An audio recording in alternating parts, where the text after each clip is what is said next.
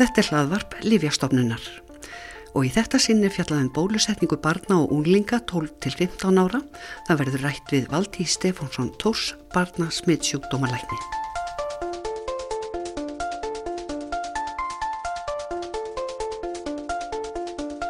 Skipulu bólusetning barna og unglinga 12 til 15 ára fór fram nýlega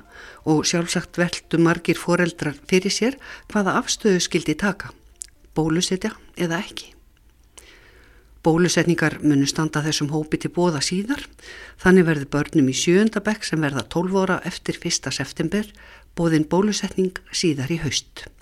Þannig að fleiri eiga eftir að velta vöngum yfir spurningunni. Bóluefni sem hefur verið notað hér heima fyrir þennan aldurshóp er Comirnaty frá Pfizer-BioNTech.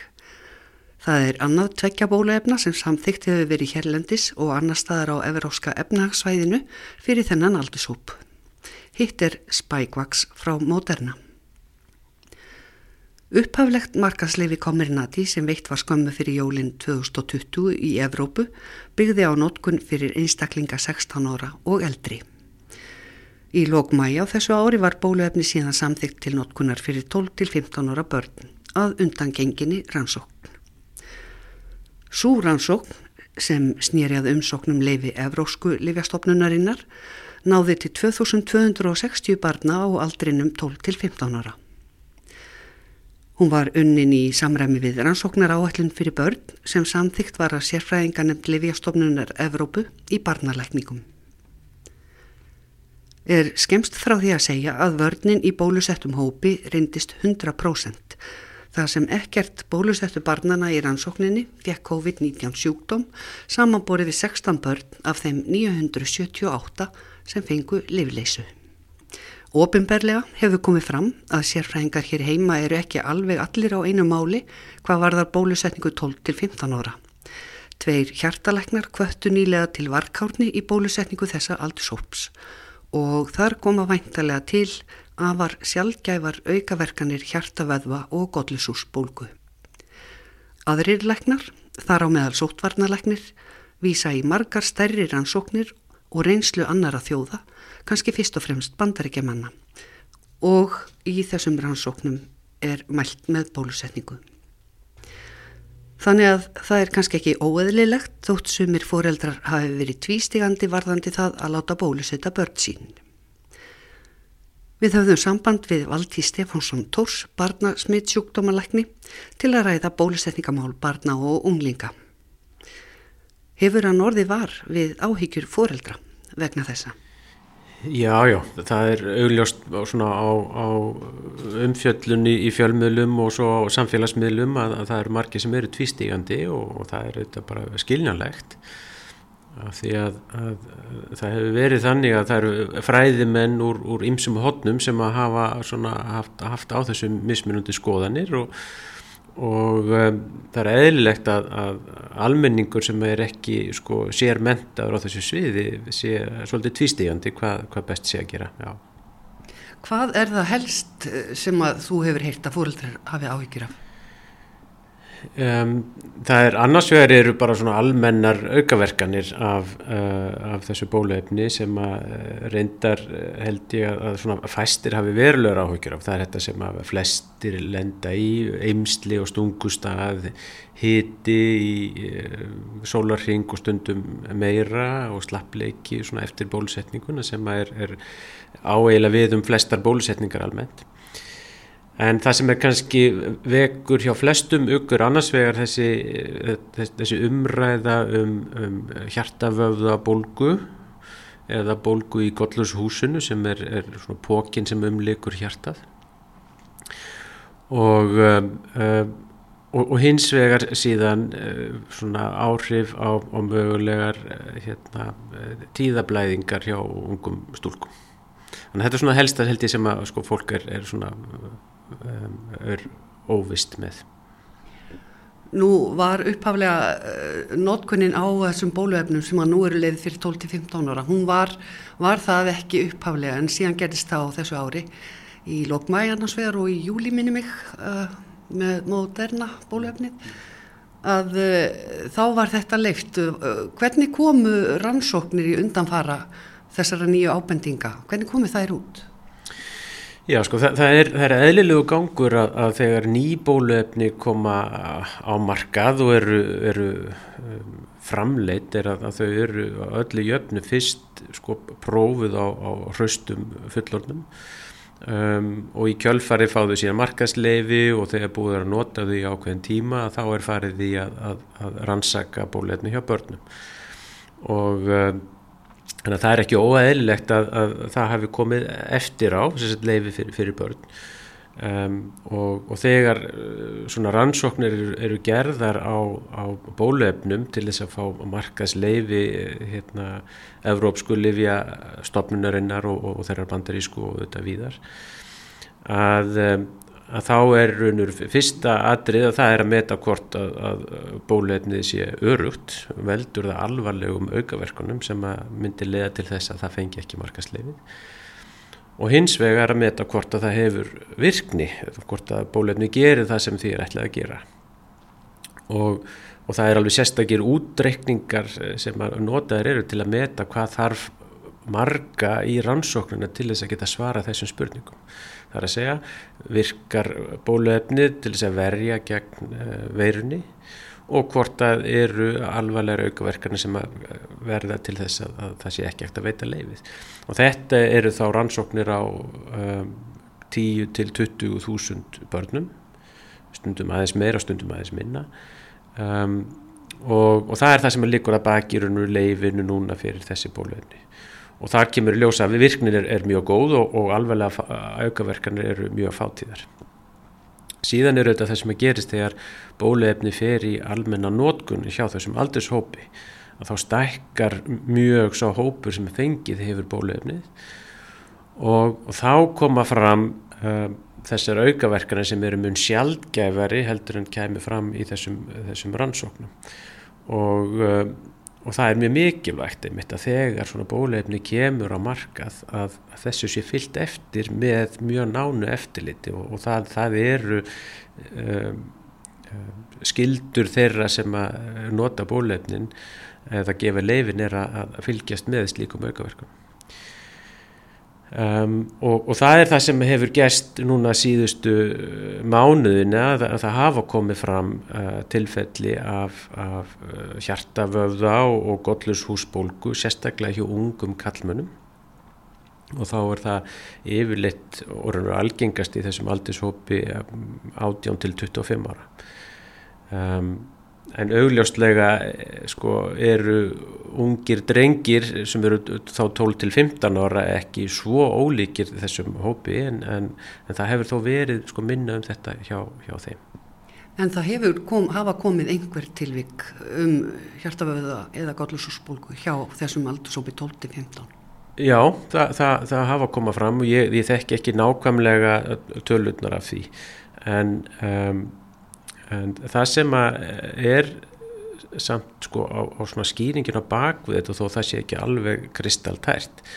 en, um, en það er langt líklegast að þetta sé einhvers konar sjálfsónæmis svar um, sem verður til eftir að, að líka með fyrir að mynda mótefni gegn þessu svo kallega brott prótín eða spike prótín úr, úr uh, SARS-CoV-2 veirunni sem veldur COVID-19 og hann uh, að líka með fyrir að mynda mótefni gegn þessu brottprótinni en í leiðinni uh, sko, verða til mótefni sem þá leggjast á, á annarkvortu hjartavöðan eða, eða gotlushúsið. Það er, er samt þannig að, að ef maður fær síkingu af þessari veiru og þá myndar líka eh, myndar líka með líka mótefni gegn þessu brottprótinni Um, og það hefur líka komið ljós að, að eh, þeir sem að fá COVID-19 eru miklu mun líkleri til þess að fá þessa fylgjikvilla eins og hjartaföðabólgu og gotlusúsbólgu heldur en þeir sem eru bólusettir. Þannig að, að eh, og ég held að það, það sé eitthvað sem skiptir líka, líka verulegu máli að, að við erum núna mitt í þessum heims faraldri og við heldum kannski á fyrstu tól mánuðum faraldursins að það erði einhvers konar endatafl í þessu að við myndum uh, setja út þessar, þessar bólusetningar sem myndi síðan leiða til þess að, að faraldur myndir hinnlega bara enda. Þetta væri bara úr sögunni eftir ákvæmna mánuð en, en núna virðist allt benda til þess að það verði ekkert endatafl heldur sé þessi veirar hennilega komin til að vera um, og þá finnst mér uh, vera mjög lógist að við ætlum það að allir sem eru óbólusettir muni á einhverjum tímapunkti smittast af þessari veiru. Ég held að það sé óhjákvæmilegt. Hvort sem það er núna næstu vikum eða næstu þremur til fimm árum, það veit enginn. En þá tel ég með þau gögg sem fyrir liggja að það sé miklu heppilegar að vera bólusettur uh, gegn þessari veiru af því að það myndi draga veruleg úr þessum fylgjikvillin. Þannig að fylgjikvillanir af því að smitast af veirunni eru mun verri og algengari heldur en aukaverkarna á bólöfninu. Þetta eru sem sagt eh, viðbröð gegn veirun eða hluta veirunar sem að koma svona fram hjá í, í mjög sjálfgefum tilvíkum. Já, ég held að þetta sé raunur sko, einmitt, í flestum tilfellum verið þetta raunur viðbröð ónæmiskerfisinn sem að, að hefur það hlutverka að ráða niðurlögum veirunar en, en þetta er einhvers konar einmitt aukaverkanir af, af þeirri aðgerð ónumiskerfisins, já. Hvað með uh, þessi tilvík um röskun á, á tíðarhing sem hefur komið fram, verðist vera hjá konum á einsum aldri, hefur þetta uh, komið eitthvað fram hjá stúlkum á þessum aldri sem við erum að tala um, 12 til 15 ára? Um, ekki mér vitanlega. Og þetta, sko, hér á Íslandi er þetta, orðið, þetta er mjög lítill hópur í, í sko, stóra samhenginu sem að hafa fengið þessa bólusetningu og, og stuttur tími liðin en hins vegar má segja það að það er ekkert sem bendir til þess að þetta hafi einhverjar alvarlegar afleðingar til lengri tíma litið um, en er vissulega eitthvað sem að þarf að, að fylgjast vel með og skrásetja eins vel og hægtir Eh, þetta, þessi tilviku um, um uh, hjartavaða eða gollisósbólgu hjá drengjum á aldrinum 12-15 ára, varstu þá að tala um einhver þekkt tilvik hérna eða erum við að tala um einhver staðar ellendis í stærri samfélagum? Já, þetta, þetta, þessu hefur verið líst í, í stærri samfélagum bæði bandarækjunum og Ísrael og, og, og víðar. Og um, en, en lang flestum tilfellum eru þetta væg uh, tilfelli sem að ganga yfir án þess að sérstök meðferð þurfa að koma að. Um, þó að vissulega kalli þetta á eftirlit og lækniskoðanir þannig að þetta, þetta er ekki alveg algjörlega minnlaust en, en hins vegar í lang, lang flestum tilfelli, yfirgnæfandi uh, tilfella er þetta eitthvað sem að gengur yfir. Um, hjartalæknar uh, hér á Íslandi, sérstaklega þeir sem að uh, vinna við hjartslátta trublanir hafa bent á það að ef, ef það verður umtalsverð bólga í hjartavöðunum um, að þá gæti það mögulega leiti hjartslátta trublana síðar meir. Og, og ég held að það sé eitthvað sem er verður að hlusta á. Um, staðrendin er held ég þó svo að, að það er afar sjálfgeft og aftur kem ég að þessu að, að, að hættan á, á slíkum fylgjikvilla er meiri af veiru síkingunni sjálfur heldur en á bóluvefninu. Svo voru kannski einhverjir sem stöldruði við það að, að sótvarnalæknir ákvað upphálega að þessi uh, aldurshópur yrði ekki bólusettur en, en síðan uh, var því breykt núna í, í sumar og, og byrjaði að bólusetta nú síð sumar uh, en það er væntalega ákvörðum tekin út frá aðstæðum og breytum aðstæðum og nýjum upplýsingum? Já, þetta er náttúrulega best að spyrja sótarnarleikni sjálfan að því hvað, hvað stóða baki þessari ákvörðun en, en ég held að það sé einmitt nokkuð ljóst að, að, hérna, að með þessu nýja delta afbreyði verunar að þá er það þannig sérstaklega út í einu stóra heimi að það eru uh, börn smittast frekar og eru að fá meiri innkenni heldur en var í fyrri afbreyðum um, það er, er þessir sko alveg fylgikvillar veirunar sem að stundum koma á meðan veikindunum stendur og svo uh, er, er annað fyrirbæri sem er, er uh, svona bólgu fyrirbæri þar sem að, að börnin verða uh, getur verið mjög veik nokkrum vikum eftir að, að veikindin eru yfirstæðin og um, og síðan hinn hluturinn sem að stundum gleimist í þessari umræðu er að, að það, og ég held að það sé gríðilega mikilvægt að allt kapp sé lagt á það að reyna að halda sem eðlilegustu lífi uh, ung menna og, og barna þannig að það verði ekki þessi eilífa skerðing á, á skólastarfi, frístundastarfi og svo framvegis. Því að við höfum upplifað það hér undarfarna átján mánuði að, að, að svona andleg líðan ungumenna hefur vestnað mikið. Þau ekki, fá ekki að gera það sem þau gera venjulega, félagslíf er, er mikið skert og, og ég held að, að að ef við erum með aðgerði sem að gætu stuðlað að því að, að auðvelda okkur að halda þessu sem eðlugustu og það sé algjörlega réttlætanlegt. Svona almennt talað varðandi aukaverkanir og bara eh, tölum bara um þessar al, al, algengustu og sem sagt sem að koma yfirleitt fram hjá flestum þetta með uh, eimsla á stungustad, hitti og, og eitthvað því einlíkt eh, verða slíkar aukaverkanir kröftur hjá, hjá krökkum á þessum aldri 12-15 ára heldur en fullornum? Ég veit ekki til þess að nokkur hafi skoðað það sérstaklega en, en í sjálfu sér á ég ekki vona því að, að það sé þannig. Um, þessi, þetta er, þetta er sko hópur barna sem upp til hópa er, er, hraustir krakkar um, og um, það var nú svona talað um það sérstaklega þegar farið var að bólusetja sko hrausta uh, einstaklinga hér í samfélaginu fullorna að þá, þá voru nú í sko margir sem fengur sko nokkuð mikla raukaverkanir hitta og slappleika og, og það, það líður yfir hinn og, og þennan á, í lögdalshöllinni um, þannig að, að, að sumt af þessum aukaverkanum eru eitthvað sem algjörlega máttu búast við eins og þú nefnir eimsli og stungustad og það er híti og það eru beinverkir. Um, en það, það gleymist hins vegar oft í þessar umræðu að lang flestir fá lítil eða engin enginni eftir bólusetninguna.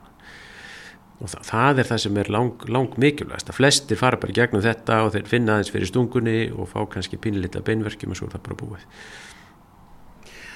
Nú hefur eh, umræða um eh, aukaverkanir af, af bólefnunum gegn COVID-19 verið mjög mikil og, og, og kannski hefur fólk ekkert verið að velta mjög mikið fyrir sér aukaverkunum livja og bólefna yfirleitt. E, hvað með önnu bólefni gegn öðrum sjúkdóm? Eru, eru sambærlegar aukaverkanir eða sem sagt e, fólk finnur fyrir aukaverkunum af öllum bólefnum einhver? Já, það er alveg rétt, þetta er mjög, mjög góður punktur og, og þetta er það þannig að, að sko yfirgnæfandi meiri hluti bólefni sem við gefum uh, eru til handa yngstu börnunum okkar. Þannig að, að lang flesta bólusetningur eru gefnar á fyrsta aldursárunu og þau get ekki sagt okkur hvort þau séu með beinverki eða, uh, eða höfuverk en, en þetta finnum við á þeim. Þau, þau, þau verða vansæl og þau eru pyrruð en, en yfirleitt er það í mjög stuttan tíma. Eh, önnur bóluefni sem eh, við erum að nota með hjá eldri krökkum eru, eru svona svo kallar búster skamtar af þessum ungbarna bólusetningum fyrir unglinga og svo HPV uh, bólusetningarnar. Og síðan influensu bólusetningar sem að um, verðan eru nota núna í sífælt meira mæli hjá hraustum krökkum þó það sé ekki almenna ráleikingar þess eðlis. Og, og og það eiginlega sko, er svipað með öll þessi bólefni. Þetta, þetta eru sko, þessar klassísku aukaverkanir. Um, en mjög sjaldan sem að alvarleg uh, atvik koma þar upp. Þetta er uh, þá væntanlega bara vittnisspurður um að ónæmiskerfið er að virkjast til að taka móti og berjast við þessa veiru komun á annar borð í návi við viðkomandi Já, ég held að mig alveg einmitt, eh, sko, segja það að, að, hérna, að, að ef að það er kröftugt ónum með svar þá veit maður að það er eitthvað að gerast og, og, og það er eitthvað, eitthvað svar í gangi. Um, en, en þessa, þessari skýringu sko, fylgir þá líka hinliðin á penningnum að fólk hefur mitt komið og spurt mig. Ég, ég fekk engar aukaverkan og engan hausverk eftir bólusetninguna því það að hún virkaði ekki hjá mér og, og það, er, það er auðvitað ekki þannig. Þannig að hérna en, en ég held að, að þó að sé vissulega sko gott að vera, með, og ekki bara gott heldur mikilvægt að vera meðvitið um aukaverkanir allra bóluefna og auðvitað allra livja sem við erum að, að, að nota um, að, að það má ekki gleima því sko sérstaklega með bólefninu hversu sko gríðarlegur um, ávinningur hefur verið af nótkum bólefna um, í heiminum öllum um, og, og án efa langsamlega um, áhrifamesta aðgerðin sem að sko leknisvísindin hafa nokkuð tíman fundið upp og, og kannski eftir sko reynu vatni en, en að öðru leiti eru bólusetningar það sem hefur skilað okkur langsamlega mest. Þannig að þú mælir afdráttalust með bólusetningu barna hún líka 12 til 15 ára. Já, ég held að ef maður, ef maður skoðar sko, gögnin sem eru fyrirleikjandi af þessum núna verða sko 20 miljóna barna sem hafa verið bólusett að, að þá vega kostir þess að bólusetja eh, algjörlega upp mögulega ókostinu.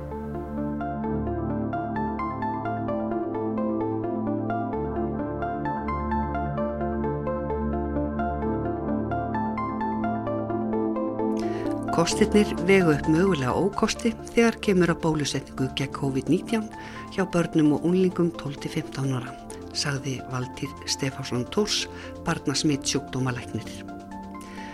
Og þar með segjum við þetta gott í byli. Takk fyrir að hlusta á hlaðvarp Lífjastofnunar.